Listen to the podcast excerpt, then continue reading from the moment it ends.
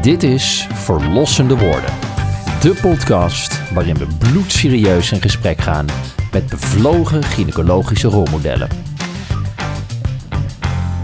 Wij, Ravi Vermeulen, Suzanne Dedde en Anne-Lotte Kolen gaan bloedserieus in gesprek met inspirerende rolmodellen binnen de gynaecologie en obstetrie.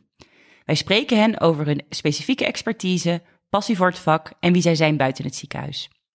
Welkom bij de vierde aflevering van Verlossende Woorden. Deze aflevering gaan wij in gesprek met Lisbeth van Leeuwen. Zij is perinatoloog, gespecialiseerd in infectieziekten in het Amsterdam Universitair Medisch Centrum. Ze is gepromoveerd op male reproduction en HIV-1 infection en heeft zich sindsdien ingezet voor zorg van zwangere vrouwen met HIV, maar ook met andere infectieziekten. Ze werkt mee aan verschillende richtlijnen over infectieziekten in de zwangerschap. Ook is ze co-promotor van meerdere promovendi die zich bezighouden met prenatale screening. De afgelopen jaren heeft ze zich veel bezig gehouden met COVID-19 in de zwangerschap en was zij onder andere te zien in het Postbus 51 spotje waarin ze pleit voor vaccinatie tegen COVID-19. Ze was betrokken bij de richtlijn COVID in de zwangerschap. Liesbeth, welkom in onze podcast voor Lossende Woorden. Nou, dank jullie wel. Liesbeth, waar kom je vandaan en waar ben je opgeleid? Nou, ik ben uh, geboren in Leiderdorp, maar ik ben opgegroeid in Katwijk aan Zee. Uh, in Zuid-Holland. En uh, daar was ik het heidense kind te midden van een hele gereformeerde gemeenschap. En uh, ik was uiteindelijk wel blij dat ik gewoon kon gaan studeren in Amsterdam. Een beetje minder benauwde omgeving. En ik heb dus mijn studie gedaan aan de Universiteit van Amsterdam. En ben toen ook ja, na mijn oudste kooschap eigenlijk aangenomen in het AMC toen der tijd om ja, voor de opleiding tot gynaecoloog. En eigenlijk werk ik daar nu al meer dan twintig jaar met de enige tussenpoze dat ik voor mijn opleiding twee keer naar Zandam ben geweest. Dus je bent vanuit je kooschappen meteen aangenomen voor de opleiding tot gynaecoloog? Ja, eigenlijk wel. En de, eh, de toenmalige, nou ik weet niet eens of het de opleider was, maar degene die daar de dienst uitmaakte was Joris van der Post, die net met pensioen is. En die vond dat ik wel als anios kon uh, blijven werken, maar dan vond hij wel dat ik nog een heleboel thuisbevallingen moest doen. Dus toen heb ik nog in de kerstperiode heb ik nog twee weken in het zogenaamde praktikantenhuis uh, gewerkt. Toen kreeg ik, was net de tijd van de mobiele telefoons. En toen moest ik twee weken lang, 24 24 uur op, 24 uur af uh, bevallingen doen in Amsterdam-Zuid bij Connie de Bie, verloskundige van Amsterdam-Zuid. En toen heb ik nog 14 thuisbevallingen gedaan in 14 dagen. Nou, in ieder geval die thuis begonnen. Uiteraard werden die niet allemaal thuis afgemaakt. En toen vond hij dat ik genoeg uh, in handen had om gelijk als, aan, als aan de slag te gaan. En zo is het een beetje, ja, uh, Irene de Graaf, mijn collega nu, die zei altijd: je moet zorgen dat je, dat je in de picture blijft en dat, je, dat ze niet meer om je heen kunnen en gewoon nooit meer weggaan. dat heb ik me altijd ter harte genomen. Nou, dat ja. is gelukt. Um, en ben je ook op die manier perinatoloog geworden?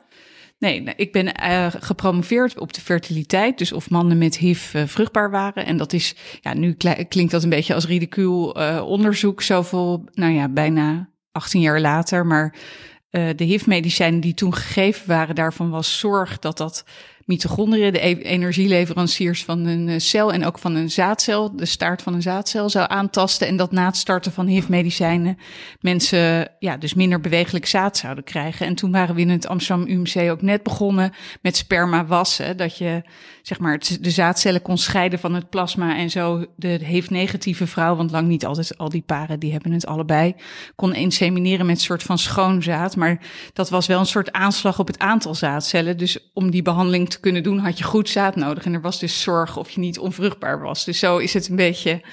Ja, daar is, die, daar is dat onderzoek toen uh, ja, een beetje op gebaseerd. En zo in, intussen ja, vinden we gewoon dat mensen die goed behandeld worden, gewoon kunnen vrijen zonder tussenkomst van allerlei uh, uh, ja, kunstmatige technieken.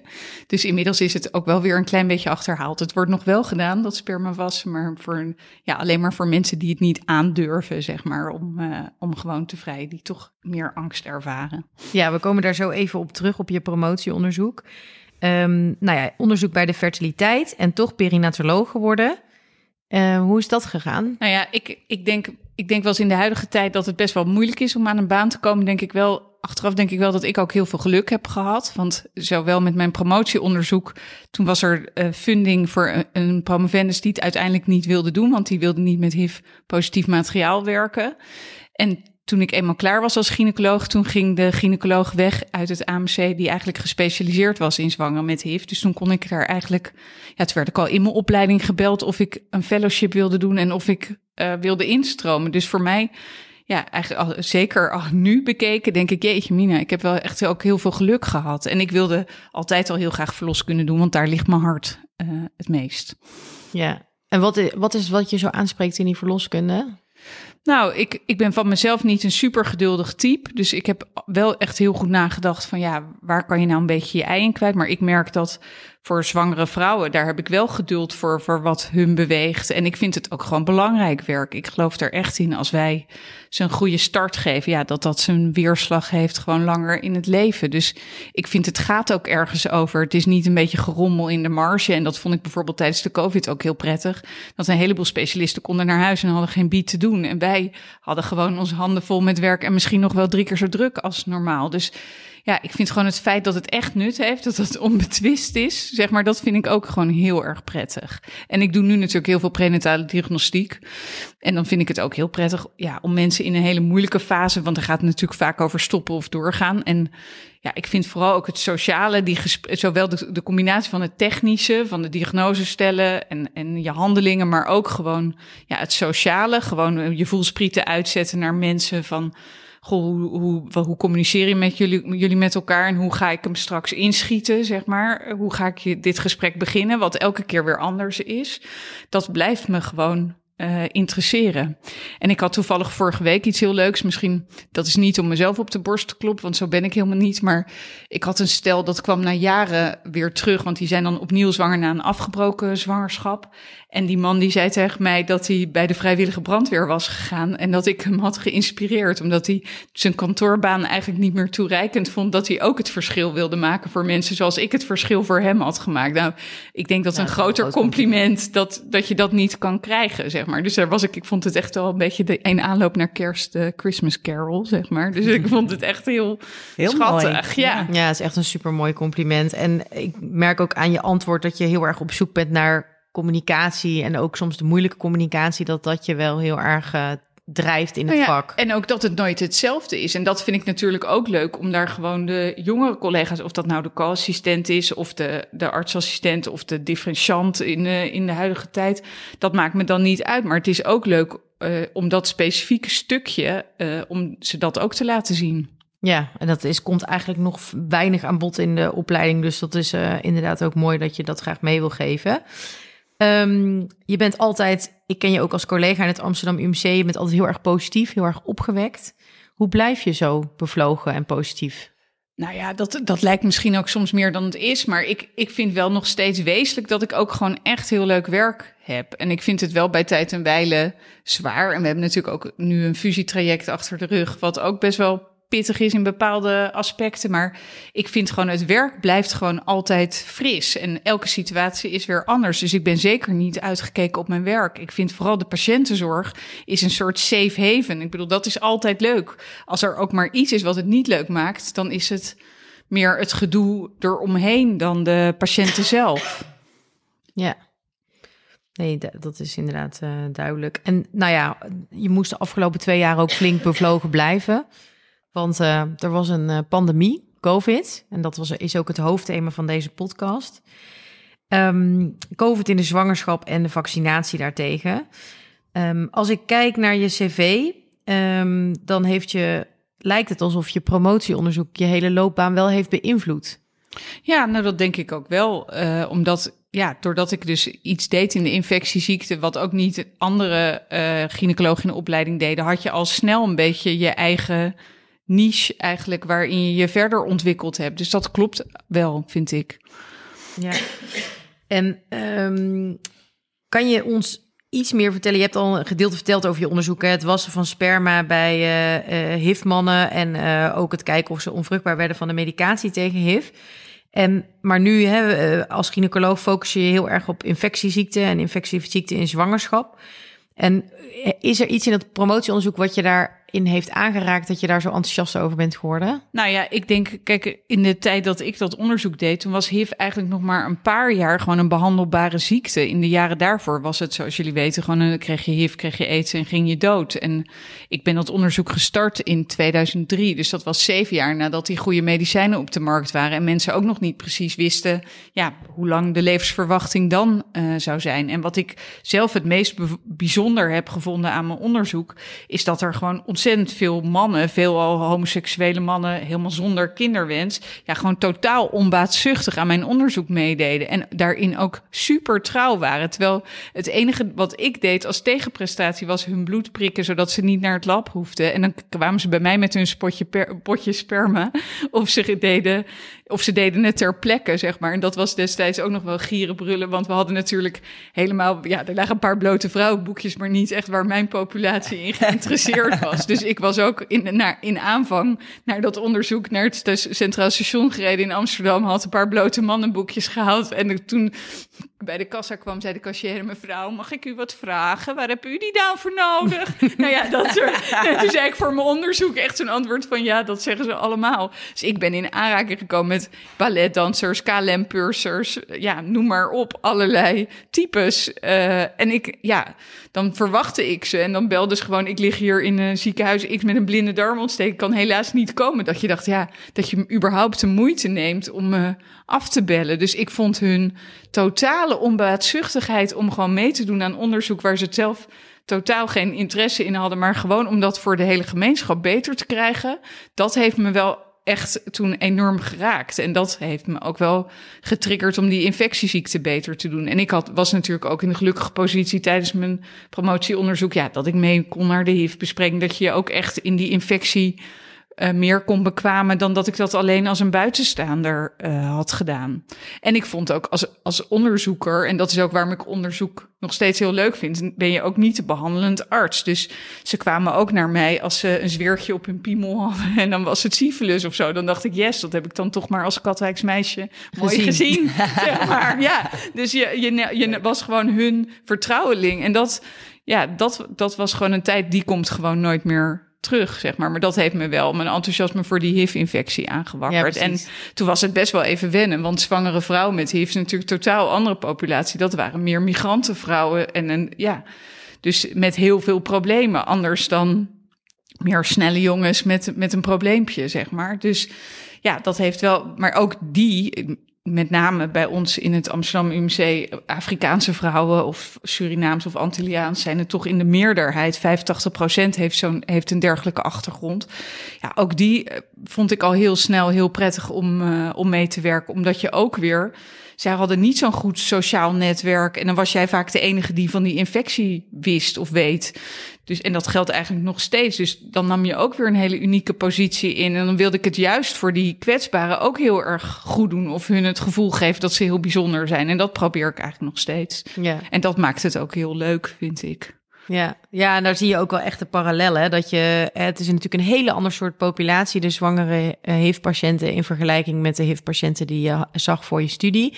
Maar het is wel weer heel erg apart en ook wel weer een niche. En waar je ook weer bijzondere communicatieskills voor nodig hebt. Dus ik denk ook inderdaad dat het heel goed bij je past. Uh, we gaan even de sprong maken naar COVID, een infectieziekte die ons allemaal heeft geraakt. Kun je ons uitleggen wat het verschil is als je COVID hebt, als je niet zwanger bent en als je wel zwanger bent? Nou ja, het blijft natuurlijk nog steeds lastig, omdat dat zeker in het begin die COVID-data natuurlijk niet zo goed bijgehouden zijn. Ik bedoel, een heleboel mensen die weinig klachten hadden, die werd gewoon geadviseerd thuis te blijven toen er nog helemaal geen mogelijkheid was om te testen. Maar inmiddels weten we wel, en zeker voor zwangeren die gewoon wat verder zijn, ik zeg nou voorbij de 20 weken, meer in het derde trimester, ja, dat COVID dan wel gewoon meer uit de klauwen kan lopen als je ongevaccineerd uh, met name bent. En dat betekent dat je gewoon een twee keer zo hoge kans hebt om terecht te komen op een intensive care of aan ECMO-behandeling uh, toe te komen. En ook je hebt een risico op vroeggeboorte. Niet zozeer natuurlijk, maar ook gewoon door ingrijpen. Omdat dat dan de conditie, ja, soms zijn de mogelijkheden tot beademing en behandeling in een zwangerschap ook wat beperkter. Of de mogelijkheid tot buikligging, wat je natuurlijk in die COVID-tijd veel hebt gezien. Dus dan was in een heleboel ziekenhuizen ook het devies, nou dan moet ze maar bevallen, want dan kunnen we haar gewoon beter uh, beademen. En nou, ik heb met name die begintijd toen we nog geen vaccinatie hadden. En gewoon, ja, dat ik aan het bed stond van een vrouw waar ik dan moest vragen. Die was dan 24 weken zwanger of 25 weken. Dat was een van de heftigste die ik in die tijd heb meegemaakt. Dan moest ik zeggen van ja. Uh, je gaat nu slapen, want je, we moeten je in slaap brengen. En dat, dat ik zeker ook niet wist of ze nog wakker werd. Nou, dat hebben wij natuurlijk niet zo vaak. Dat je, ja, er worden wel eens mensen na trauma of zo binnengebracht. Maar niet dat je zo'n bewust moment hebt. dat je er even bij iemand die buiten adem is, bij stilstaat. En dan haar ook toestemming vragen van mag ik jou, ja, mag ik een keizersnee bij je doen als ik denk dat het in jouw belang is. Uh, en ik zal voor je zorgen alsof je mijn familielid bent, weet je. Dus dat waren wel, ik vond dat wel gewoon ook hele heftige dingen die we, ja, we maken in de verloskunde natuurlijk wel vaker heftige casuïstiek, maar dat je zo bewust mensen in slaap gaat brengen. Ja, en toen dat er toen nog eigenlijk niet zoveel behandeling was, dat vond ik wel toen heel hevig, zeg maar. En dat waren dan, dit was ook bijvoorbeeld een zwangere waar de man dan in een perifeer ziekenhuis met COVID lag. Dus er was dan ook geen familielid waarmee je het even uh, af kon stemmen. En ik heb later nog wel contact met haar gehad. Het is nu heel goed, maar zij ervaart nog wel psychische problemen van wat er toen gebeurd uh, is. Dus ik vond met name die begintijd heel heftig. Dus eigenlijk ten tijde van die alpha-variant, die eerste, en ook die delta-variant, dat waren eigenlijk de twee varianten die heel kwalijk zijn geweest voor zwangere vrouwen. Dat we veel opnames zagen en complicaties, terwijl we die allemaal niet gezien hebben bij vrouwen die gevaccineerd waren. Dus dat geeft ons toch wel sterk toch wel het idee ja, dat vaccinatie je beschermt tegen een heel ernstig uh, beloop. Ja. En is dat dan dus omdat zwangeren een ander immuunsysteem hebben? Ja, nou, de, de helemaal de antwoord is daarop niet, uh, is daarop niet opgelden. Maar dat, dat denken we wel, dat het, zwanger, dat het immuunsysteem toch wat slapender is. Omdat je natuurlijk je, je zwangerschap niet mag afstoten. Maar, en dat je ook, als je wat verder zwanger bent, ja, gewoon ook mechanische bezwaren al meer aanspraak wordt gedaan op je restcapaciteit van je hart. En dat je het daardoor eerder moeilijk uh, krijgt. Ja, in het begin was het ook zo dat juist eerst werd afgeraden om te vaccineren bij zwanger, omdat we gewoon niet wisten wat het effect was van de vaccinatie uh, op het ongeboren kind. Um, en ondertussen waren er ook nieuwe varianten van het virus. Um, kan je dan zo duidelijk eigenlijk wel stellen of die vaccinatie nou invloed heeft gehad of dat het juist de gemuteerde vorm is die uh, minder. Nee, nou ja, ik, ik, kijk, als ik ergens spijt van heb gehad, dan is het wel die communicatie om niet te vaccineren in het begin. Want eh, weet je, ja, ja wij waren gewoon toch een beetje naïef met z'n allen, zeg maar. En dan spreek ik ook gewoon namens de NVOG. Wij dachten gewoon, we dachten ook, en dat denk ik ook nog steeds, het gewoon, wij wilden eerst, we wisten dat die Amerikanen gewoon al, die waren al eerder begonnen met vaccineren. Dus wij wisten dat er data gingen aankomen. Dus wij wilden gewoon even wachten of daar helemaal geen gekkigheid uh, uit te verwachten was. Maar ja, als ik één ding hiervan heb geleerd, is natuurlijk de communicatie rondom vaccinatie en wat dat allemaal teweeg brengt. Ja, dat ligt zo gevoelig dat we achteraf misschien gelijk volmondig ja hadden moeten. Ik weet, ik weet nog steeds niet of dat, maar het heeft ons wel We hebben wel echt moeten uitleggen. En dat heeft waarom we dan op een gegeven moment wel vier maanden later vonden dat je, vonden dat je je mocht vaccineren. En dat heeft ons ook wel partig gespeeld om sommige mensen aan boord te krijgen bij vaccinatie. Maar die Delta-variant, die was eigenlijk pas weer een half jaar later, zeg maar. En toen had met name Rotterdam heel veel opnames. Ja, en die hebben gewoon geen gevaccineerd. Toen was er wel mogelijkheid tot vaccinatie. En die hebben gewoon één patiënt gehad die één prik had gehad en niet de volledige set. Maar voor de rest alleen maar ongevaccineerde. Dus ik denk zeker wel, en dat weten we intussen ook wel aan de hand van internationale data, ja, dat het beschermt tegen, een, tegen de uitwassen van COVID. Maar ja, wel met die kanttekening dat, je, dat het allemaal om relatieve risico's gaat die beter worden. Want de absolute risico dat het voor jou uit de klauwen loopt, dat is nog steeds best wel moeilijk om te zeggen. Omdat er ook mensen zullen zijn ja, die nauwelijks klachten hebben die zich niet testen. Dus de echt, wat nou echt de noemer is, dat blijft lastig. Nou, je noemde het al heel eventjes, hè, de iatrogene vroeggeboorte. Um, en je stipt het ook eigenlijk al heel even snel aan dat het vooral maternaal, uh, op maternale indicatie uh, wordt gedaan. Op een gegeven moment, uh, toen gingen we natuurlijk uh, met Nettles alles registreren. Of in ieder geval alle mensen die zich wel hadden getest en klachten hadden, zwangeren. En we gingen ook alle placenta's opsturen naar PA. En soms kon je ook echt inderdaad zien als de placenta geboren werd, dat je dacht, nou, dit ziet er echt heel erg afwijkend uit. Kan je daar wat meer over vertellen? Nou ja, dat is, dat is met name onderzoek die door collega schoenmakers in Rotterdam is gedaan. En ja, wat er aan die placenta werd gezien, uh, is dat het een soort placentitis, een soort uh, ja, een soort, uh, een soort ontsteking aan de placenta zagen ze eigenlijk in die patiënten. Maar wel, vaak was het wel een soort selectie van mensen die al COVID hadden. Dus de kanttekening blijft daar nog een beetje bij van ja, hoe vaak zie je dit soort dingen toch gewoon aan andere placenta's ook. En ook dat is heel typisch, want dat is met name heel erg in het begin geweest. Terwijl later dat soort beelden weer niet werden gezien. Dus het, het laatste is daar ook nog niet helemaal over gezegd. Ja, je zegt eigenlijk er is een soort selectiebias geweest. En mensen die ernstig ziek waren en die placenta's gingen we juist Ja, maar er zijn ook wel echt casus geweest van, van mensen die COVID kregen... en die, die twee weken later een IVD hadden. Dus ik denk echt dat in selecte casus er echt wel wat gaande is geweest. Maar het is heel moeilijk om daar...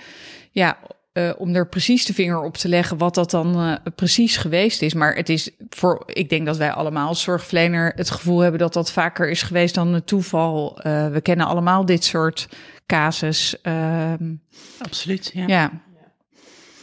nou, het ging al even over de vaccinatie en dat misschien de NVOG in het begin misschien had moeten zeggen: we weten het niet, in plaats van niet vaccineren. En dan was het misschien makkelijker geweest om het pro-vaccineren beter te beargumenteren. Uh, nu ben je duidelijk voor vaccineren. Um, je zat ook in het Postbus 51 spotje. Um, wanneer moeten zwangere vrouwen zich laten vaccineren? Nou ja, wat mij betreft doe je dat gewoon aan het aan het begin van het tweede trimester. En dat doen we omdat we inmiddels, maar dat staat op punt van publiceren van mijn eigen promovendus Sander Zilver. We hebben gekeken wat nou eigenlijk het beste termijn is. En dan natuurlijk qua antistoffen. Je zit natuurlijk met de balans tussen antistoffenopbouw bij die zwangere zelf en idealiter wil je eigenlijk zoals bij elke maternale vaccinatie, dat er ook antistoffen naar het kind over de placenta gaan. En eigenlijk is vanaf het begin van het tweede trimester zie je eigenlijk antistoffen naar het kind ook gaan. En ook natuurlijk opnames door COVID voor, voor, voor zuigelingen is natuurlijk ook heel weinig. Maar dat zal uiteindelijk ook wel wat beschermen. Net zoals we dat van influenza-vaccinatie weten, van kinkhoest. Uh, dus eigenlijk idealiter zou gewoon vroeg in het tweede trimester dat je zelf in ieder geval, want het heeft altijd wel een week of twee nodig voordat je echt goede antistoffenopbouw hebt, dat je in ieder geval goed jezelf beschermt, maar dat er ook nog wat naar die baby gaat. Ja, dat is meestal net iets meer ook om die moeder over de streep te trekken dan dat het alleen maar goed voor haarzelf uh, is. Want voor haarzelf maakt het me niet zo. Ja, dan zou je zeggen hoe eerder hoe beter. Maar je ziet er natuurlijk wel de meeste echt gedoede ziekenhuisopnames tot aan de IC-opnames, die zagen we natuurlijk met name vanaf, nou, ik denk de vroegste een week of 22 of zo. Daarvoor eigenlijk niet. Dus ik denk dat het heel goed te verdedigen is om het gewoon begin van het tweede trimester te doen. Ja, dus eigenlijk een soort 22 weken prik combineren. Dus ja, eigenlijk de maar dat mag nu ook. Ja, je mag ja. nu alles ook tegelijk nemen. In het begin wilden ze dat niet, omdat mensen dan bijwerkingen zouden krijgen, dat je dan niet wist van welke vaccinatie het was. Maar nu we eigenlijk weten ja, dat het bijwerkingenprofiel uh, van die COVID-vaccinatie eigenlijk wel goed is, mag dat allemaal wel. En die griepprik? Ja, die mag er ook gewoon, die mag er eigenlijk ook gewoon meteen bij. Ja. Maar ja, dat is, dat is natuurlijk ook nog een beetje aarzelende communicatie. Want, maar het zal toch er naartoe gaan dat het vaccineren van zwangeren steeds normaler wordt. Uh, ja, de SMFM heeft bijvoorbeeld al hele mooie communicatie over drie, uh, drie vaccinaties in de zwangerschap voor kinkhoest, covid en de influenza. En zo moeten wij denk ik ook gaan communiceren. Maar ja, in de toekomst komt er misschien wel RS, maternale RS-vaccinatie, GBS-vaccinatie. Je weet het niet. Misschien hopelijk ooit CMV. Dus ja, ik denk dat we het waar we jaren geleden nog heel aarzelend waren, denk ik dat het steeds normaler gaat worden. Ja, het zou fijn zijn als het in één uh, spuit kan. Ja, alle zes. Dat denk ik ook. En wat um, maakte dat je dacht, um, ik wil op nationale televisie ook uh, zeg maar aan de populatie duidelijk maken dat vaccineren zo belangrijk is? Nou, weet je, kijk, als je als als dat, nou ja, dat is ik vond het ook gewoon belangrijk om te proberen het weer recht te zetten. En ook terwijl we al die zwangere vrouwen op IC hadden en dat je het zo uit de klauwen zag lopen bij die ongevaccineerden.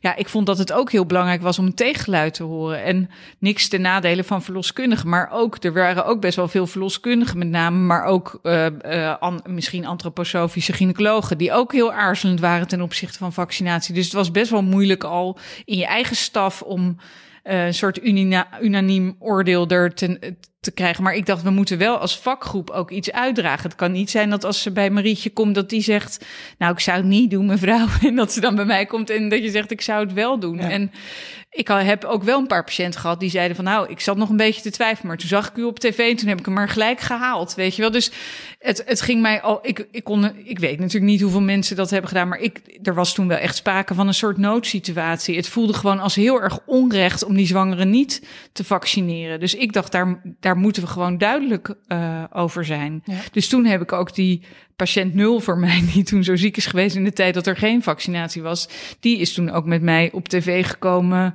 Uh, uh, ja, om, om daarover te vertellen hoe dat uit de klauwen liep. En vaccineren blijft natuurlijk een heel gevoelig onderwerp. Waar we vroeger echt overtuigd waren van het nut.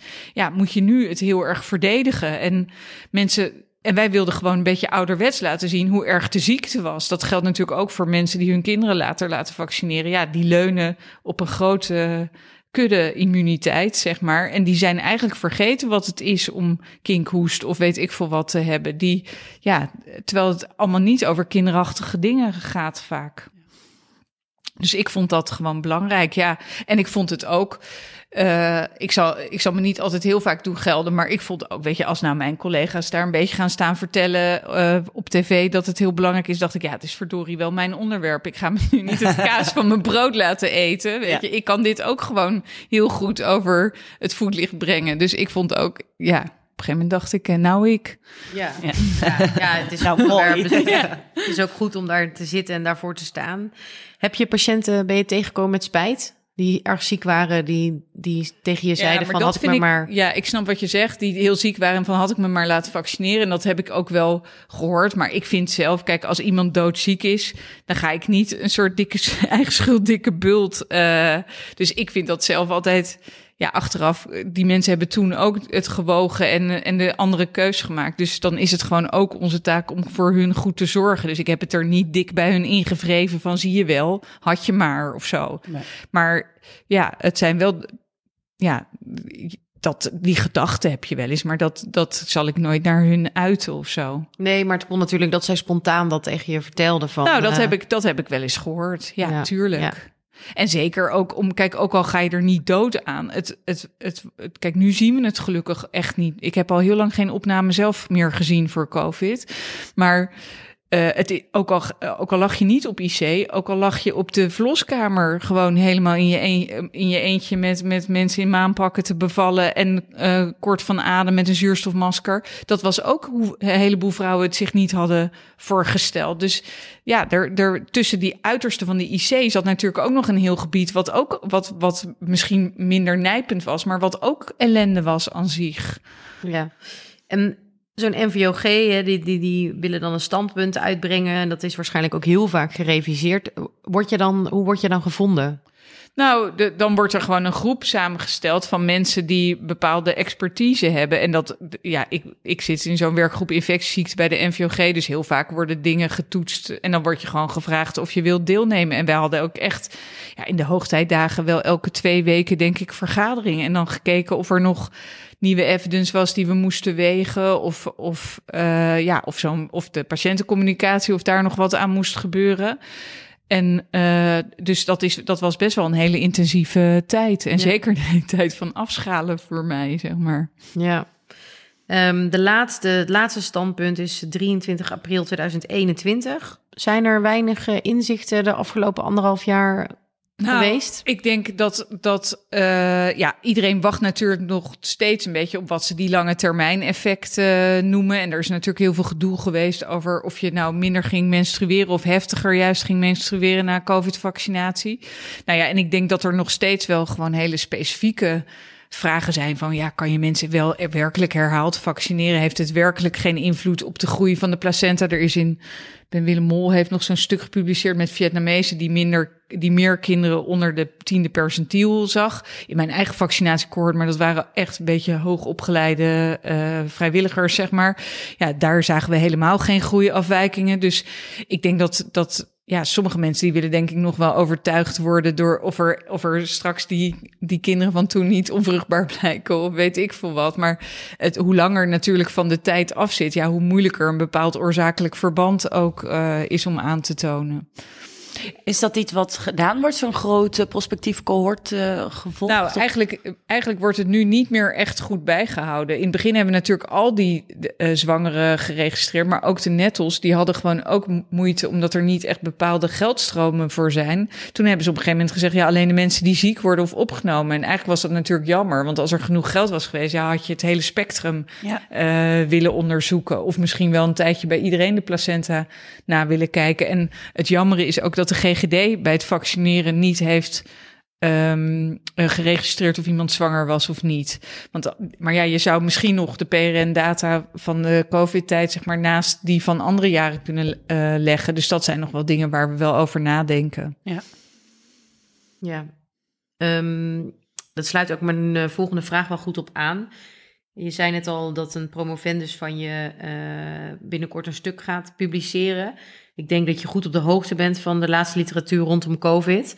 Wat vind jij het belangrijkste nieuws wat er uh, recent is uh, nou ja, rondom COVID en zwangerschap? Nou ja, ik denk toch echt dat, dat, dat we geen schade zien van die vaccinatie. Ik denk dat dat gewoon wel iets blijft wat je een beetje drammerig moet, moet uitdragen. En, het, en wat denk ik ook een uitdaging blijft, is: kijk, er zijn sommige mensen die willen het gewoon niet en die hebben er misschien weinig kennis van. Maar er zijn ook vrouwen die natuurlijk ja, eigenlijk hoog opgeleid zijn en ook niet willen. En eigenlijk zou je ook je communicatie nog wat gewoon willen onderzoeken. Ja, wat hebben die dan nodig om zich te laten overtuigen? Zijn die überhaupt te overtuigen? Of is dat zo een soort onontgonnen, ja, of heeft dat helemaal geen zin? Moet je daar eigenlijk je efforts niet in gaan steken? En ik denk dat het ook belangrijk is voor vrouwen om te weten dat ze met de na vaccinatie komen er antistoffen in de borstvoeding, weet je. Dus het is op meerdere fronten. Ja, geef je dat kind gewoon bescherming uh, ook mee. Ja, het lijkt alsof er een, steeds een, een, grotere kloof ontstaat tussen mensen die zich die overtuigd zijn van de waarde van vaccinatie en vrouwen die, uh, die hun eigen afweging ook maken en dat die waarde daar niet van inzien. Heb je communicatief een idee hoe we dat zouden moeten oplossen? Nou ja, ik denk, kijk, er is een groep die het gewoon niet doet omdat ze ja, denken die moeilijk te bereiken zijn, zeg maar, bij ons uit de achterstand wijken. Ik denk dat voor zulke types het heel erg zou helpen als je, als je gewoon zegt, loopt u maar door hier in de gang aan het einde, daar krijgt u even uw prikje, zeg maar. Uh, omdat dat gewoon vaak te veel gedoe is om je te laten vaccineren, moeten ze weer ergens anders heen. Dus ik denk dat we het mensen met minder mogelijkheden soms wat beter zouden moeten faciliteren. Maar ik denk dat juist de groep die zich bewust of een soort overtuigd is van alle informatie die zij tot zich hebben genomen en zich niet wil laten vaccineren, ja, daar zou, daar zou je nog wel eens echt het gesprek ook voor de toekomstige vaccinaties, niet eens zozeer voor COVID. Want ik vind het zelf ook wel moeilijker, nu er weinig opnames zijn, van ja, hoe erg moet je nou nog daarop um, sturen, zeg maar. Kijk, toen was er echt een soort emergency. Was het echt van, nu moet, je moet het nu doen. Want er zit ook gewoon een variant in de lucht die echt heel gevaarlijk is. Maar nu zie je er ook niet echt de uitwassen van. Ja, en komt dat omdat iedereen het eigenlijk al een keer gehad heeft... of toch een keer gevaccineerd is? Weet je, dat zal allemaal een rol spelen. Want infecties zijn vaak het heftigst als ze gewoon in een, uh, in een naïeve, in een, in nooit besmette populatie komen. Dus ik denk dat we met bijvoorbeeld de geboortebeweging of zo nog best zou kunnen kijken van ja, wat hebben die vrouwen nou nodig die, ja, die, die uh, een andere keuze maken en. Uh, ja, precies. En er is je altijd... die kloof kan dichten. Want alleen maar meer, meer informatie, dat is het niet. Je moet op een ander niveau dan gaan communiceren. Ja, en wat we natuurlijk vaak zien op social media is dat negatieve mensen vaak um, de spotlight wel opzoeken, maar dat uh, wij als artsen um, toch vaak niet echt de spotlight opzoeken en uh, dat onder het licht brengen. Oh ja. Dus het is goed, denk ik ook dat dat je er dan voor kiest om in zo'n spotje. Dat... Nou ja, en dat, kijk, dat is natuurlijk iets wat wij ook helemaal niet gewend zijn. Maar ook op je social media of dingen. Ja, daar kwamen natuurlijk ook hele ongelukkige reacties. Eh, en dan werd je voor alles wat vuil was uh, uitgemaakt. En ja, dat, dat is natuurlijk best wel even slikken. Ik bedoel, dat vindt niemand echt leuk als je uh, en ook allemaal gemanipuleerd met cijfers en weet ik veel wat. En dan moest je nog even goed kijken waar het dan niet goed was gegaan, zeg maar, om dat te weerleggen. En op een gegeven moment denk je ook, nou, laat maar even. En je vertegenwoordigt als arts natuurlijk niet alleen maar je eigen mening, maar ook het instituut waar je werkt voor mij, het Amsterdam UMC en ook de beroepsvereniging waar ik voor sta. Dus helemaal het achterste van je tong laten zien, vind ik dat je dat niet kan. Want je wil ook niet je werkgever schade of je beroeps. Je wil gewoon een breed gedragen mening uit, uh, uitdragen en niet zozeer ja, als je echt eh, zegt wat je denkt, denk je, zeg je zo niet erop met je gezeik, weet je. Maar dat kan je toch moeilijk eh, Ja. doen. Ehm, even een brug naar een andere infectieziekte waar helaas nog geen ehm, vaccinatie voor bestaat, HIV. Ik was op zoek naar de richtlijn HIV en zwangerschap en toen kwam ik eigenlijk alleen maar op de pagina van de Nederlandse Vereniging voor HIV en behandelaren. Klopt dat? Ja, dat klopt. Want daar wordt het eigenlijk ook altijd geüpdate. Maar het is wel een goeie, want ik heb me nooit... Pas toen jij het zei, dacht ik het. Ik dacht, ja, ik kan het ook net zo goed bij de MVOG een link ernaar zetten. Dat zou misschien al helpen. Ja, want het is eigenlijk een hele korte eh staccato richtlijn met alleen maar bullet points en eh, wat je moet doen. Maar het is eigenlijk, eh, ja, er mist een beetje de literatuurbespreking en hoe er tot die bullet points gekomen is. Maar het is inderdaad heel goed leesbaar. Ehm HIV en kinderwens, we hebben het al heel even over eh, gehad. Maar hoe gaat dat in zijn werk? Ja, dat is natuurlijk zorg die ik nu niet meer echt veel doe, maar wel in het verleden heb gedaan. Maar dat hangt natuurlijk een beetje af van wat je situatie is. Eigenlijk kunnen er, een beetje plat gezegd, drie situaties zijn. Je, de, de man kan het hebben en de vrouw niet, zeg maar. De vrouw kan het hebben en de man niet, of ze hebben het allebei. En uh, ja, als jij vrouw bent met HIV en je partner heeft het niet, bij wijze van spreken, ja, dan kan je natuurlijk, als jij goed behandeld wordt, dan, dan mag je tegenwoordig gewoon normaal vrijen om zwanger te worden. Dat is dat nul is nul uh, standpunt van uh, niet undetectable is untransmittable, zeg maar. Dat, dat is waar dat nul is nul voor staat. Dus een hele lage uh, viral load hebben we het ja, over. Ja, als het onder de meetgrens is, en in de meeste ziekenhuizen is dat kleiner dan 20, maar het kan ook kleiner dan 40 zijn. Ja, dan wordt, dan word je geacht, als er geen virus is, dan kan je dat ook niet overdragen in feite. Okay. En, um, dus, um, dus die vrouw kan in principe gewoon vrijen, maar ja, als zij toch denkt van nou, ik vind het toch een beetje een risico voor mijn partner, want je kan nooit helemaal in hun hoofd kijken, ja, dan kan ze zich ook nog zelf insemineren. Dan kan hij gewoon zijn sperma in een potje doen en kan ze dat met een spuitje opzuigen en uh, gewoon zichzelf insemineren. Dus dat kan allemaal nog laag technologisch als zij gewoon vruchtbaar is. En zo'n vrouw komt dan eigenlijk pas in beeld als ze onvruchtbaar uh, is. En ik heb van de week nog even bij Nino Tonk, mijn grootste vriend van de fertiliteit, even gevraagd in het AMC. Maar die, um, ja, de, volgens mij zijn er nu wel meerdere ziekenhuizen die IUI bijvoorbeeld voor HIV-positieve vrouwen aanbieden. Maar IVF of ICSI wordt alleen nog in het Amsterdam UMC uh, gedaan. En waarom is dat zo?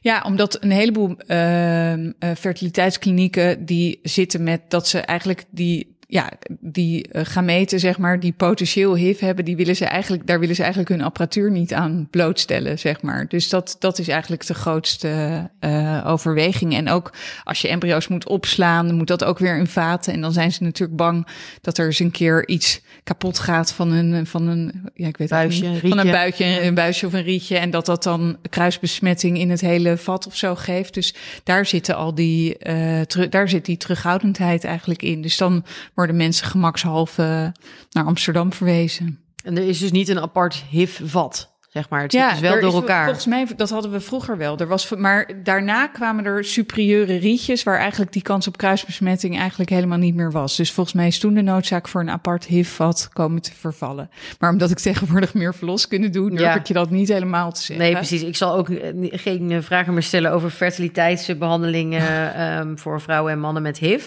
Maar ik was Ehm, toch wel benieuwd, wat is dan het advies voor de HIV-positieve vrouw, bijvoorbeeld met een hele lage of niet detecteerbare viral load?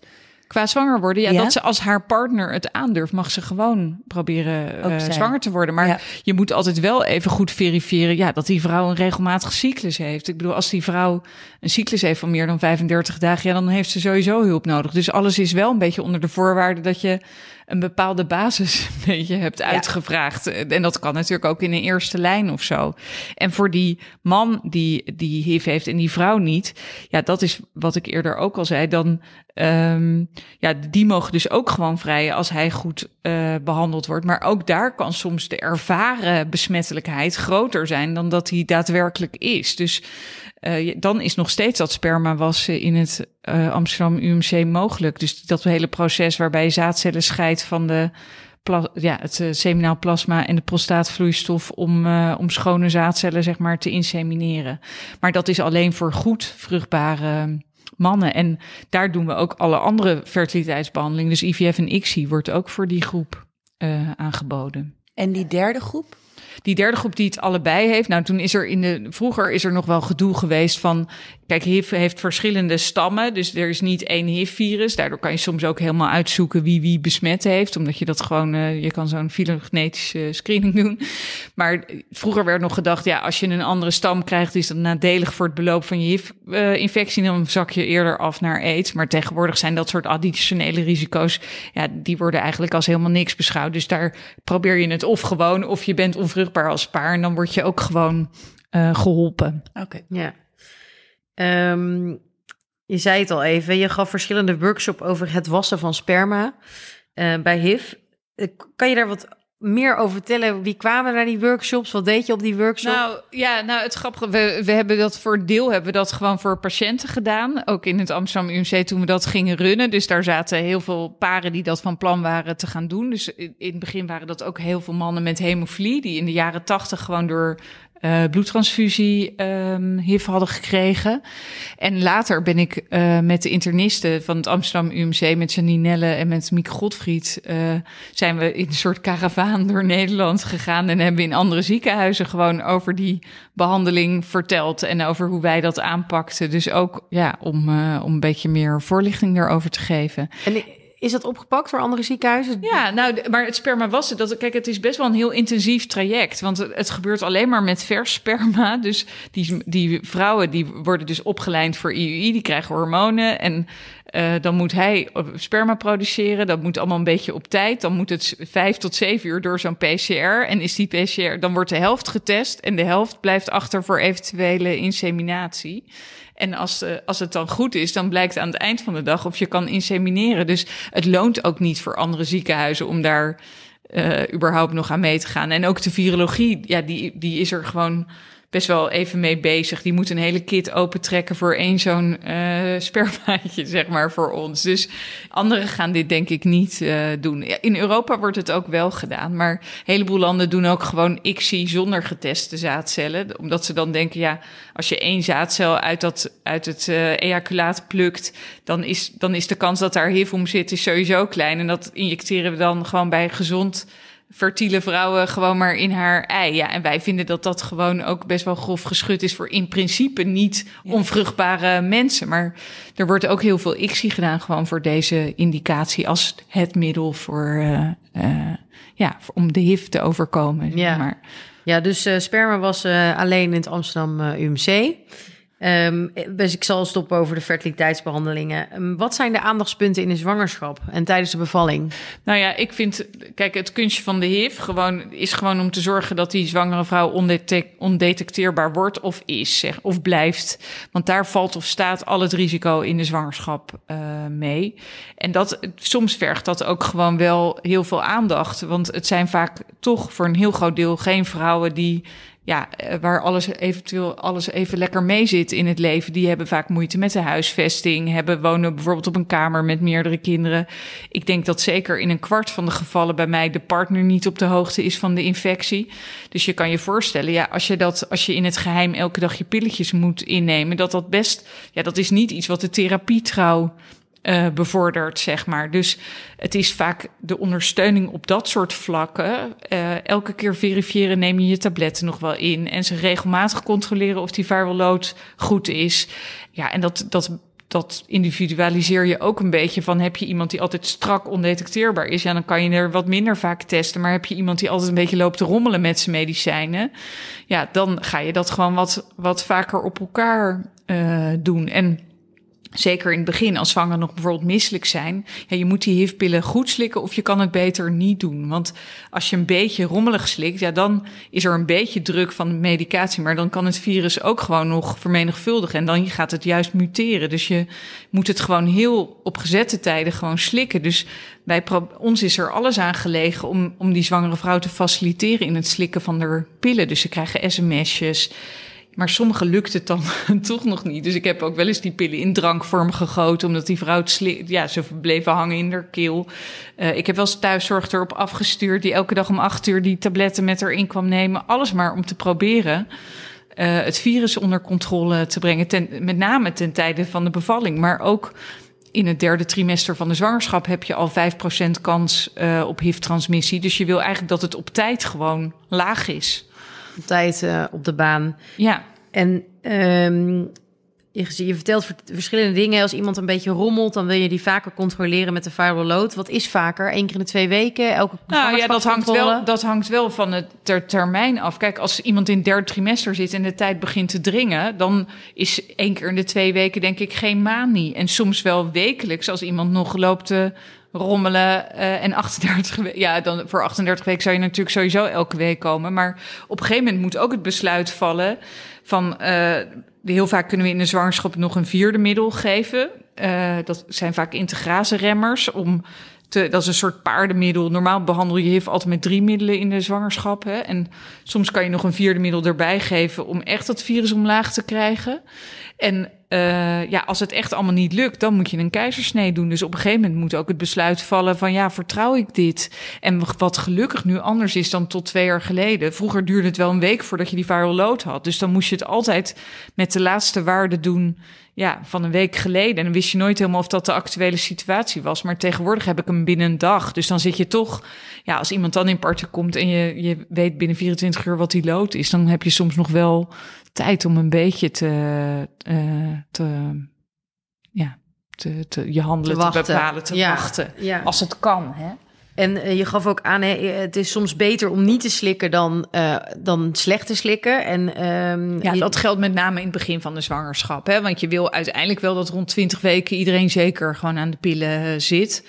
Eh, maar als je eenmaal pillen slikt, dan kent HIV een logaritmisch verval van die viral load. Dus het gaat heel snel, daalt het in het begin en dan ebt het zo'n beetje na tegen het eind. Dus je hebt wel even, dus met name als ze gewoon in het begin spugen, dan kan je beter zeggen stop maar even helemaal, dan dat je zo aan het kwakkelen bent. Want dan krijg je eventueel weer mutaties en dan moet je je combinatie van tabletten ook weer veranderen. Bij zwangere vrouw met HIV wordt ook altijd gekeken of er resistenties zijn. Dat wordt niet altijd standaard gedaan, maar je hebt maar beperkte tijd om met een bepaalde combinatie van medicijnen toe te slaan. Dus je moet wel weten of dat wat je gaat geven, of, dat, of je virus daar gevoelig voor is. Ja, dus bij ernstige zwangerschapsmisselijkheid in het eerste trimester. Dan stop ik liever helemaal. ja, Ja. en dan ga je, als dat, als dat minder is, ga je gewoon herstarten en dan gewoon Ja. vol tegenaan. En overigens mogen wij als gynaecoloog helemaal geen HIV-medicatie voorschrijven. Hè? Dus dat gaat altijd via de internist. Wij mogen hooguit een herhaalrecept eh, maken, maar verder niet. En dan rondom de bevalling is het dus belangrijk dat ze echt heel goed is ingesteld, hele lage viral load heeft. En dan mag ze vaginaal bevallen. Ja, zeker. Dan mag ze vaginaal bevallen. En dan is eigenlijk de enige restrictie die we doen... is dat er geen schedelelektrode of mbo wordt ge- gedaan. Ja, en daar kan je misschien ook nog van zeggen... ja, is dat nou echt eh, niet nodig? Maar je wil eigenlijk niet een soort prikaccident introduceren.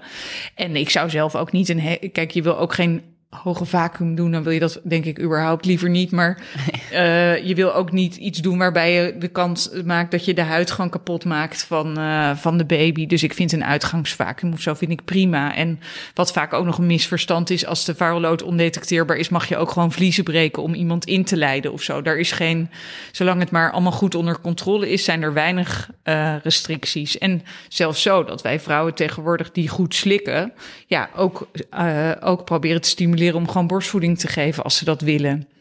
En dat is denk ik wel de grootste winst van de afgelopen vijf jaar. En voor de zorgverleners, dubbele handschoenen wordt wel eens... eh, Ja, bij een seksshow staat dat bij ons ook in het eh, protocol. En, eh, en met gazen de wond afdammen en zo. Er staan allemaal hele speciale dingen. Ja, ik vind zelf... Kijk, het, het is nogal... Ik denk zelf altijd... Ik voel mezelf altijd safer als ik gewoon doe wat ik normaal ook doe. En kijk, je weet van die vrouwen de viral load. Dus de kans dat jij toch van een spataccident of zo HIV krijgt... dat is echt heel, heel, heel erg klein. HIV is ook veel minder besmettelijk dan bijvoorbeeld hepatitis B. Dus ik ben, heb daar zelf niet zo'n angst voor. Maar die dubbele handschoenen die zijn ervoor als je je prikt... dat je dan nog die druppel met de tweede handschoen zeg maar af kan eh, vegen. Dus dat, ja, ik vind dat iedereen moet doen waar die zich safe eh, bij voelt. Ja, oké. Ja.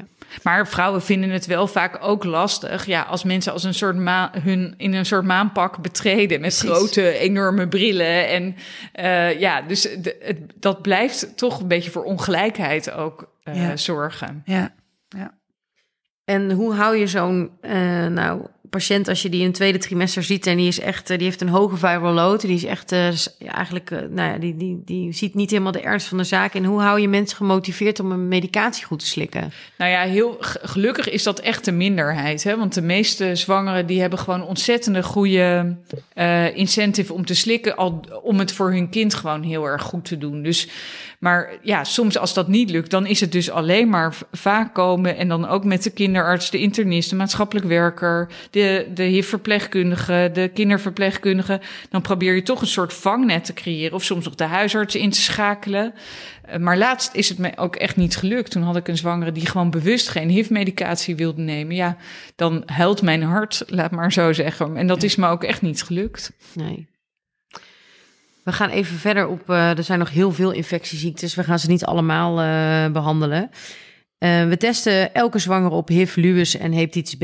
Het komt gelukkig niet vaak voor dat die uitslagen positief zijn.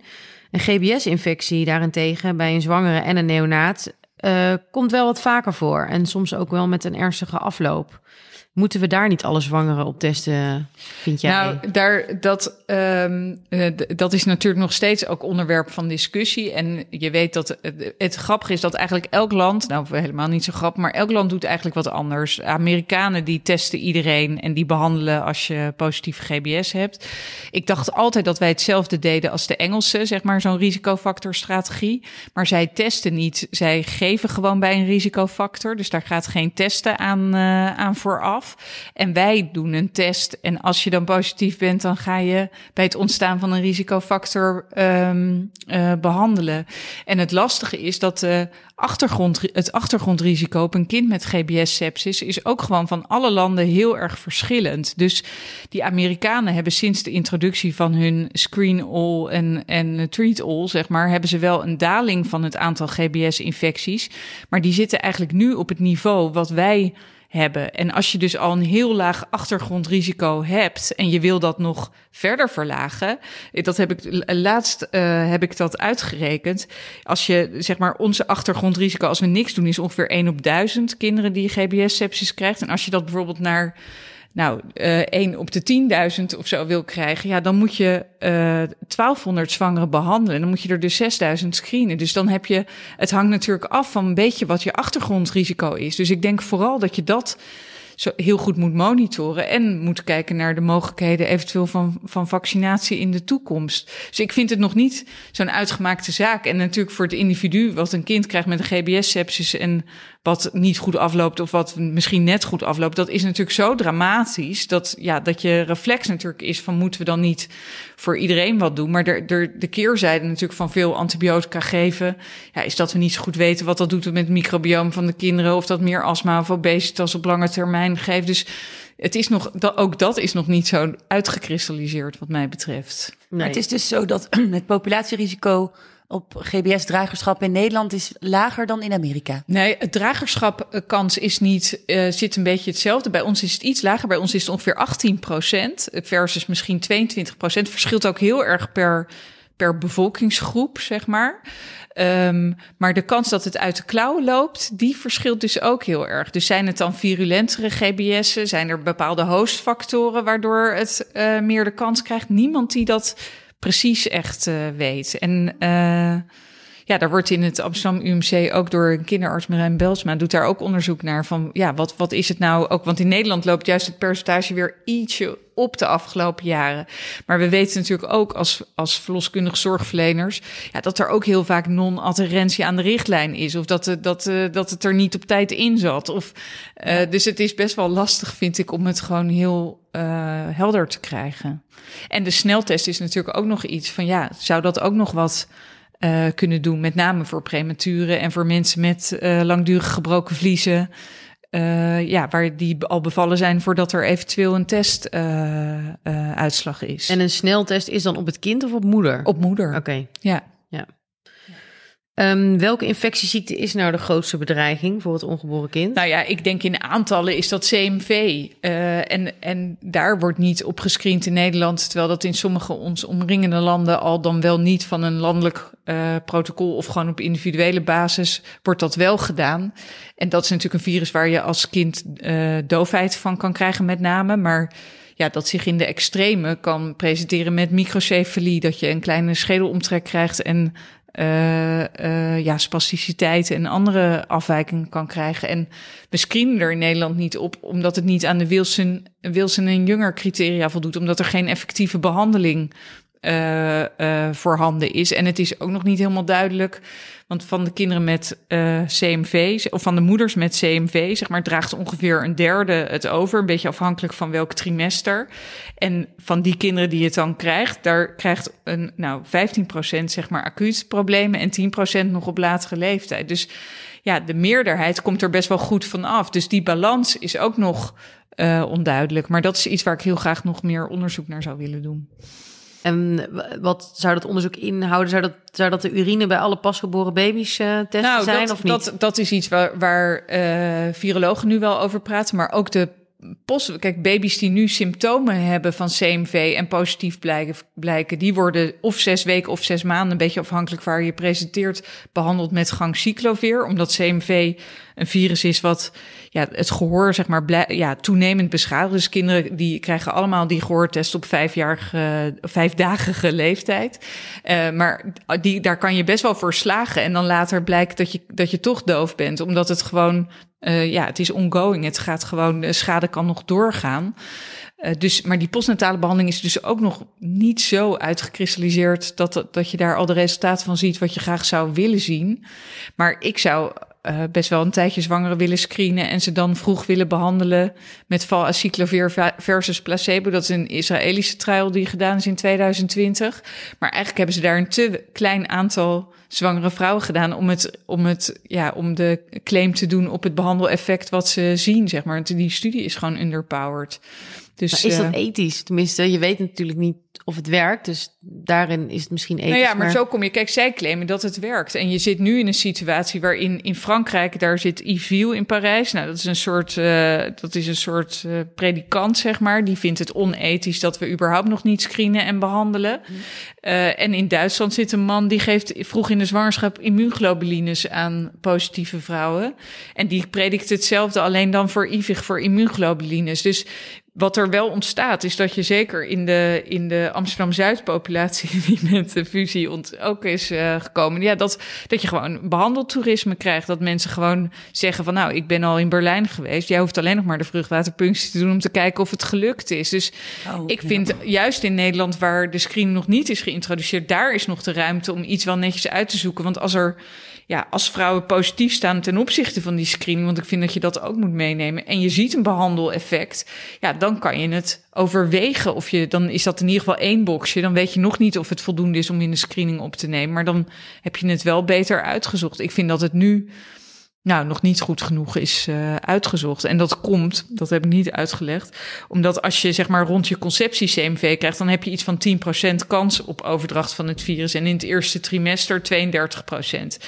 Dus je hebt al, met die serologie, die is niet zo goed dat je kan targeten wanneer die infectie is geweest. Want vrouwen, maar 5% heeft uh, klachten. Dus je kan nooit zeggen, oh, ik had, zware, ik had rode vlekjes, dat was het moment. Je moet het altijd aan de hand van je serologie terug uh.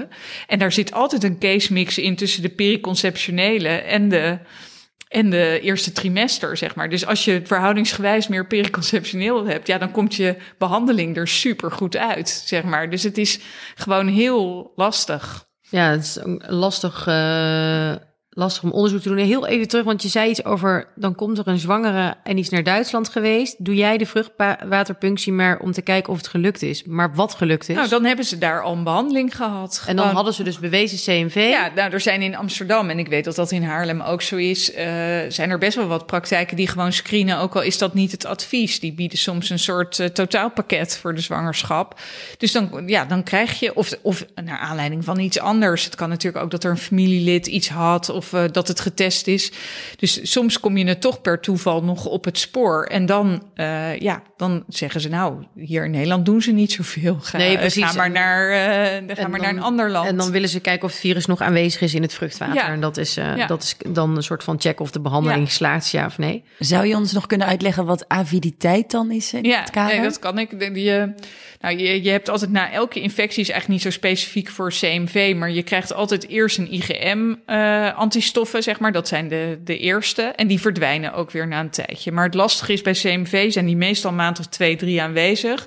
En dan verdwijnen ze weer. Maar het kan, soms ook wel wat langer. En twee weken nadat je IgM opkomt, komt je IgG op. Dus, uh, dus eigenlijk is pas als je IgG hebt echt bewijzend voor infectie. Soms hebben zwangeren, krijg je verwijzingen dat er alleen CMV-IgM is, maar dat kan ook soms aspecifiek zijn in de zwangerschap. Maar als ik bijvoorbeeld iemand heb die bij 12 weken en een positieve IgM en een positieve IgG heeft, verdacht voor een misschien primaire CMV, dan kan je met behulp van de aviditeit. En dat is een aanvullende test voor dat IgG. Dat zegt iets hoe goed het antigen past op de antistof. Dus hoe hoger de, ant de aviditeit, hoe, ja, hoe beter het antigen en de antistof elkaar eigenlijk kennen. Dus hoe langer de infectie geleden is. Okay. Dus als ik dan achter bij 12 weken een hoge aviditeit zie, ja, dan is de kans op periconceptionele veel groter. En dan is dus de kans op overdracht naar het kind veel lager. En dat moet je in je counseling dan meenemen. Want vruchtwater voor CMV, dus de echte ultieme test of het kind is aangedaan, dat doen we het liefst pas vanaf 21 weken, omdat dan de feutale urineproductie uh, goed op gang is gekomen. Ja. Oké, okay, dus vrouwen zitten best wel lang in onzekerheid. Ja. ja. totdat ze uitsluitsel kunnen krijgen wat dit voor een betekenis heeft voor hun zwangerschap. Ja. En zeker als je gewoon een mooie baby hebt, dan is dat natuurlijk heel lastig. Ja, ja het is echt, uh, daar is nog wel veel uh, op te winnen op dat terrein van CMV. Uh, nog heel even een kleine um, zijstraat. Um, er is op dit moment geen Zika-epidemie meer. Um, dat is een virus wat ook voor microcefalie bij de neonaat kon zorgen. Is het virus nu eigenlijk nog wel gevaarlijk nu er geen epidemie meer is? En moeten zwangere vrouwen en ook vrouwen met kinderwens, uh, moeten die uh, reizen naar gebieden waar Zika voorkomt? Nou, eigenlijk eh, hebben we daar de epidemie volgens mij in 2015 gehad. En uh, eigenlijk hebben we in, na dat jaar eigenlijk nooit meer gedoe van Zika gezien. Dus zelf vind ik dat je daar geen rekening meer mee hoeft te houden als je gaat reizen. Oké, okay, duidelijk antwoord. um, nou, dit is ook uh, denk ik best wel uh, specifieke kennis over infectieziekten. Vind je dat er een noodzaak is tot het centraliseren van die zorg? En is dit al gaande in Nederland? Nou, ik denk, kijk, als je, als je de. Mm, ja, het ligt er maar. Ik vind altijd het ligt eraan hoeveel je er zelf van, van weet. Uh, mijn partner is perifeer gynaecoloog, zoals je weet. Ik weet. Ja, die zou zich niet met alles even comfortabel voelen met wat, wat ik zou zeggen ja, het ligt er maar net aan wat je zelf uh, vindt. Ik vind dat de counseling van CMV positieve, dat dat idealiter op een plek moet gebeuren waar je ook een vruchtwaterpunctie kan doen om, uh, om verder te kijken. Omdat je dan, ja, als je alles in je arsenaal hebt, dan counsel je denk ik neutraler dan dat je überhaupt geen punctie uh, kan doen. Dus, maar ja, ik denk dat de, de kennis van sommige infecties, die komen zo weinig voor, dat dat, dat soms ook een beetje ja, tekortschiet uh, om mensen echt goed te counselen. En heel vaak vindt er eerder geruststelling plaats als mensen naar mij komen dan dat ik ze banger uh, maak. Ja, dus het is eigenlijk gewoon waar voel je je senang bij en probeer je je grenzen aan te geven en verwijs gewoon door als je er niet zoveel van af weet. Ja. Um, nog heel even naar de toekomst kijken. Welke vraag omtrent COVID en zwangerschap vind jij dat echt nog beantwoord moet worden in de toekomst? Ja, het zou mooi zijn als we gewoon straks een goede generatie hebben, zeg maar, na, na COVID-vaccinatie. Dat zou het, ja, uh, het mooiste de zijn. De late effecten ja, ik denk dat dat iets is waar de meeste mensen zich, uh, dat dat is iets is wat mensen bezighoudt. Waar mensen op zitten te wachten, ja. ja. Um, heel even terug naar je vakgebied. Wat doet een perinatoloog in 2040 anders dan dat hij nu zou doen? Nou ja, er is nu, dat, dat is natuurlijk niet helemaal aan mij. Ben ik dan al met pensioen? Ik denk het wel. Nou, misschien net. um, ja, ik denk, er is natuurlijk nu een hele trend van dat er veel meer digitaal moet. Dus dat, ik denk dat dat, uh, dat dat ook wel gebeurt en dat er meer thuismetingen zullen zijn. Maar ik uh, ik las toevallig deze week iets in het blaadje van het Amsterdam UMC over huisartsen die ook de digitale zorg aan de minder uh, bedeelden, zeg maar, aan het onderzoeken zijn. Want ik, ja, ik denk sowieso dat mensen soms wel echt behoefte hebben aan menselijk contact. Zeker ja. waar het spannende dingen betreft. En uh, ja, en dat het nog, nu is dat nog niet zo goed uitgekristalliseerd hoe sommige groepen met minder gezondheidsvaardigheden of minder geletterdheid of leesvaardigheden uh, daarmee omgaan. Dus, ja. maar daar zal tegen die tijd denk ik wel wat uh, uh, voor zijn. En ik denk toch ook dat we ons vak voor een deel meer gaan uitbesteden, omdat er zo'n personele uh, krapte is aan, aan verpleegkundigen en zo. Dat we ja, en hun meer baanperspectieven, dus dat er meer uh, physician assistants of ver, verpleegkundige specialisten toch ons, ik denk dat wij toch meer een soort spin in het web worden en, en er ander personeel voor een groot deel ons werk doet, maar ik weet dat niet. Nee. Nou, misschien een WES in één dag bijvoorbeeld. Ja, een WES in kunnen. één dag. Nu nog een doorlooptijd van drie weken. Ja, ja. of een robot die een punctie doet en die zeker het kind niet raakt. Nou ja, er zijn nu natuurlijk wel ook bezig met uh, uh, artificial intelligence voor foetussen. Dat er eigenlijk met een druk op de knop de computer zou moeten kunnen zeggen of de foetus aangeboren afwijkingen heeft of ja, niet. Dat zijn wel dingen waar wat men nu aan het onderzoeken is. Dus ja, daar, dat, dat ga je niet tegenhouden. Nee, dat dus... zal voor een deel ook vooruitgang zijn, denk ik. Nee, dus er komen ook wel wat dat op ook ook zelfs op het eeuwenoude vak uh, obstetrie komen weer spannende dingen aan in de toekomst. Ja, maar dit kind gaat er ook in de toekomst niet per laparoscoop uit. Nee? Nee, nee. nou, we blijven onze mooie baan in de toekomst. Ja, ja, ja. Dat is geruststellend. De ongestelde vragen. Um, we gaan naar de ongestelde vragen. Het gooien of Amsterdam? Amsterdam. Guo's of een HIV-spreekuur? Mm, nou, daar heb ik geen voorkeur voor. Door ze. Oh, sorry. Doorzakken met een wijntje of in de ochtend hardlopen? In de ochtend hardlopen. Hm. Milieubewust of het vliegtuig naar een ver oord? Uh, allebei. nieuwe kleren of nieuwe schoenen? Nieuwe kleren. Koken of uit eten? Uit eten. Quick four. Gaan we naar onze quick four. Dat zijn dezelfde vragen die stellen we eigenlijk aan alle mensen die we interviewen. Um, wat is jouw grote passie buiten het ziekenhuis? Nou, ik, mijn man die schiet me door mijn kop, maar ik hou heel erg van vogels kijken. Ik, het liefst ga ik gewoon met mijn verrekijker vogels kijken. Dat vind ik, en een beetje wandelen in de natuur. Ik hou ontzettend van Scandinavische detectives. Dat vind ik heerlijk. Het liefst in een desolate setting. En uh, dat, daar kan je, dat vind ik het lekker. En ik hou ook van koken trouwens. Maar als ik de keuze heb, ga ik liever uit eten. Zeker na een werkdag. Wat zou je doen als je geen gynaecoloog was geworden? Ik wilde vroeger altijd piloot worden. Dus misschien dan was ik dat dan wel geworden. Ja. Als je jezelf op de eerste dag van de opleiding een advies kon geven, wat zou je jezelf dan geadviseerd hebben? Nou ja, soms heb ik wel eens gedacht, kijk, het, was misschien voor mijn carrière beter geweest als ik wat monomaner of zo uh, was geweest, of het al heel duidelijk voor ogen had. Maar aan de andere kant denk ik, de dingen gaan ook zo als ze gaan. En dan heeft het ook wel weer zijn charme. Maar dan was ik misschien qua onderzoek of zo verder geweest. Dat denk ik wel eens. En wat is nou de belangrijkste verandering binnen de perinatologie of infectieziekte in zwangerschap in je carrière, wat je hebt meegemaakt? Nou ja, ik denk qua HIV is dat echt dat we zwangere borstvoeding geven. Vroeger verboden we het ze echt. We zeiden niet eens het is ons advies, maar we zeiden echt het mag niet. En dan kregen ze gelijk uh, de kortingsbon voor Dostinex en ze kregen subsidie zeg maar voor uh, kunstvoeding. Dus dat en ik merk dat dat in het Amsterdam UMC nog wat makkelijker over gedaan wordt dan in, in onze omliggende ziekenhuizen.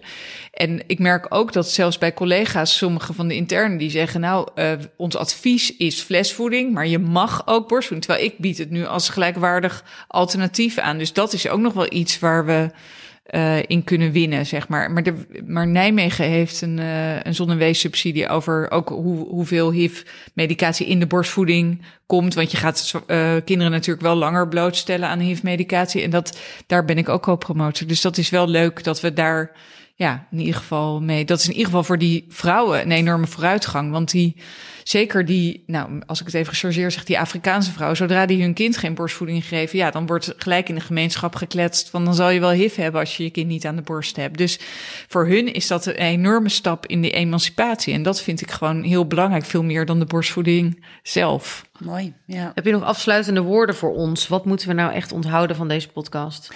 nou, de, um, dat vind ik weer lastig. Maar ik denk dat je gewoon wel altijd een beetje bij jezelf moet blijven. Dat dat, dat, dat, uh, dat levert de meeste winst op. Je, moet, je mag best wel eens een gokje wagen, maar je moet wel ook blijven doen wat gewoon goed voelt. En daar ook gewoon in geloven, want dan komt de rest wel gewoon vanzelf. En bedoel je dan binnen je expertise of gewoon qua karakter bij jezelf nou, blijven? allebei eigenlijk, vind ik. Ja, nog meer bij je karakter dan bij andere dingen, denk ik. Wij um, gaan uh, in onze volgende podcast uh, met uh, Nora van Mello in gesprek over de genderzorg. Zou jij een vraag voor haar kunnen formuleren? Uh, nou, ik, ik heb soms al raakvlakken met uh, Nora Vermello, omdat zij ook uh, transgenders doet die zwanger zijn. En ik zou, mijn vraag aan haar zou wel zijn van, ja, wat vind je nou dat er voor deze bijzondere patiëntengroep echt nog te winnen is? Wat zou je daar graag veranderd aan, aan willen zien? Nou, mooie vraag. Nou, hiermee sluiten we, sluiten we deze podcast af. Heel erg bedankt voor het luisteren. En bedankt voor uh, je tijd, Lisbeth. We zijn, nou, heel uh, graag gedaan. We hebben een mooie inkijk gekregen in infectieziekten en de zwangerschap. En weer een stuk uh, wijzer geworden. En het is fijn om jouw bevlogenheid en enthousiasme van dichtbij zo te mogen zien. Dankjewel. Nou, jullie heel erg bedankt. Dit was Verlossende Woorden. Dank voor het luisteren en tot de volgende aflevering.